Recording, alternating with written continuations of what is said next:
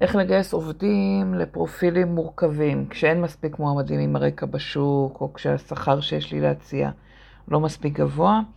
היום פרק אה, בהסתכלות קצת יותר אסטרטגית על הנושא של סורסינג ואיך למצוא מועמדים. פרק חדש בפודקאסט גיוס המקצוע, פתיחה ונתחיל.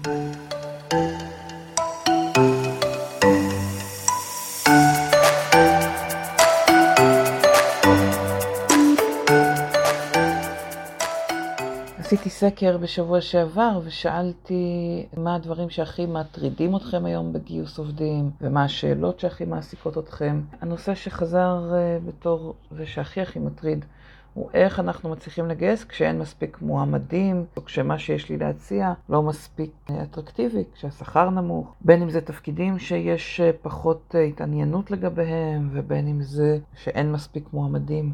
בתפקידים המורכבים ברקע הספציפי. ואני רוצה רגע להביא אנלוגיה שתעזור לנו להסתכל על התהליך הזה מנקודת מבט אה, אחרת. אה, כשאנחנו הולכים לקנות משהו, כשאנחנו הולכים לקנות מוצר יקר, אנחנו בדרך כלל נעשה סקר שוק, אנחנו בדרך כלל נתייעץ, אנחנו בדרך כלל נשאל.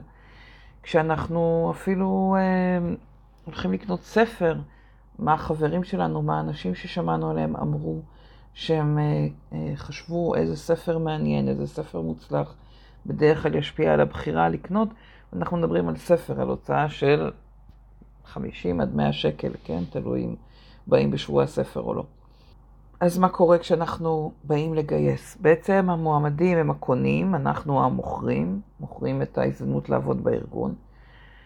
עכשיו, מה עושים כשאף אחד לא רוצה לקנות? מה עושים כשהקונים שלנו כבר מרוצים, עובדים איפשהו, לא מחפשים כרגע עבודה, או בוודאי לא מחפשים בשכר שאנחנו מציעים. אנחנו צריכים לתת משהו חלופי. תחשבו על פעם אחרונה שקניתם משהו רק בגלל שידעתם שהכסף הולך לתרומה לאיזה גוף שמעניין אתכם.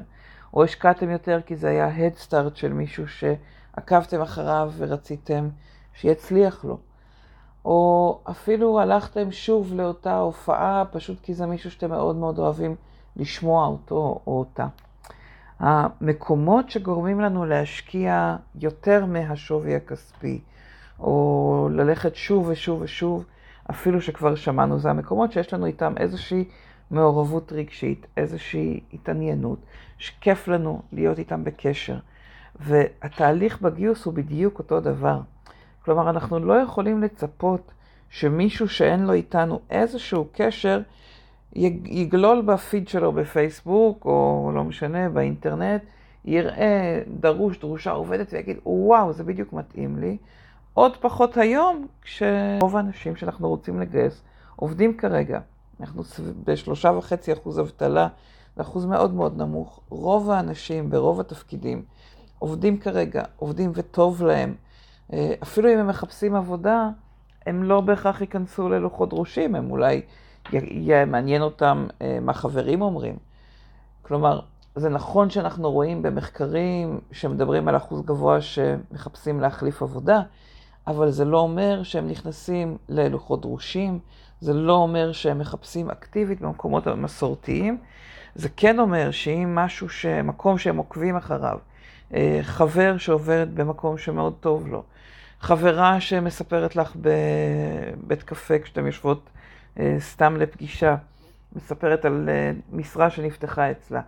הדרך היום להגיע לאנשים שמחפשים עבודה היא לא בפרסום, היא לא בדרכים סטנדרטיות, אלא היא הרבה יותר דומה לתהליך שאנחנו קונים מוצר אחרי שהתלבטנו לגביו הרבה מאוד זמן.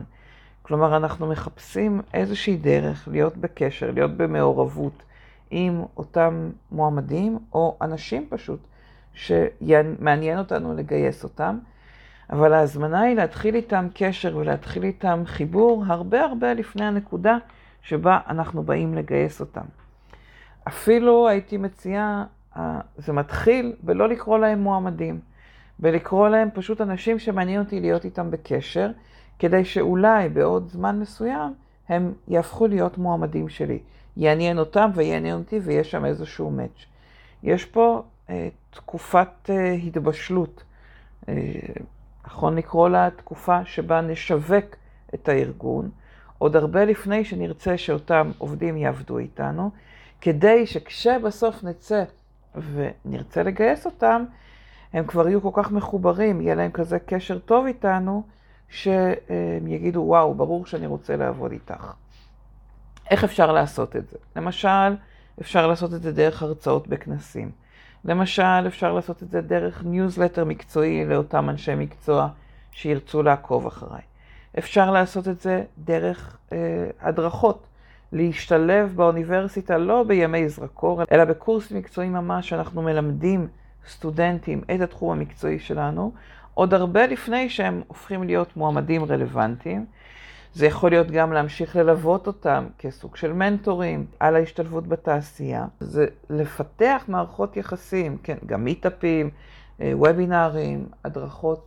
לפתח מערכת יחסים עם בסיס מקצועי, עם עוגן מקצועי, אבל שאני נותנת לאותם אנשים, לאותם אנשי מקצוע, הרבה לפני שאני מבקשת מהם בואו לעבוד איתי. זה גם יכול להיות לא רק לאנשים שלמדו איזשהו תחום מקצועי, אלא אם אני רוצה נגיד לגייס אנשי שירות ומכירות למוקד, וזה לא משהו שיש עליו הכשרה מקצועית בחוץ, או קורס שלומדים, אני יכולה להציע קורס לאנשי מכירות בחינם, שאנחנו נגייס מתוכו את הבוגרים, אבל שאלה שיסיימו יהפכו להיות בוגרי תעודת אנשי מכירות של הארגון שלי, שאחר כך הם יוכלו ללכת לארגון אחר ויהיה להם איזשהו יתרון.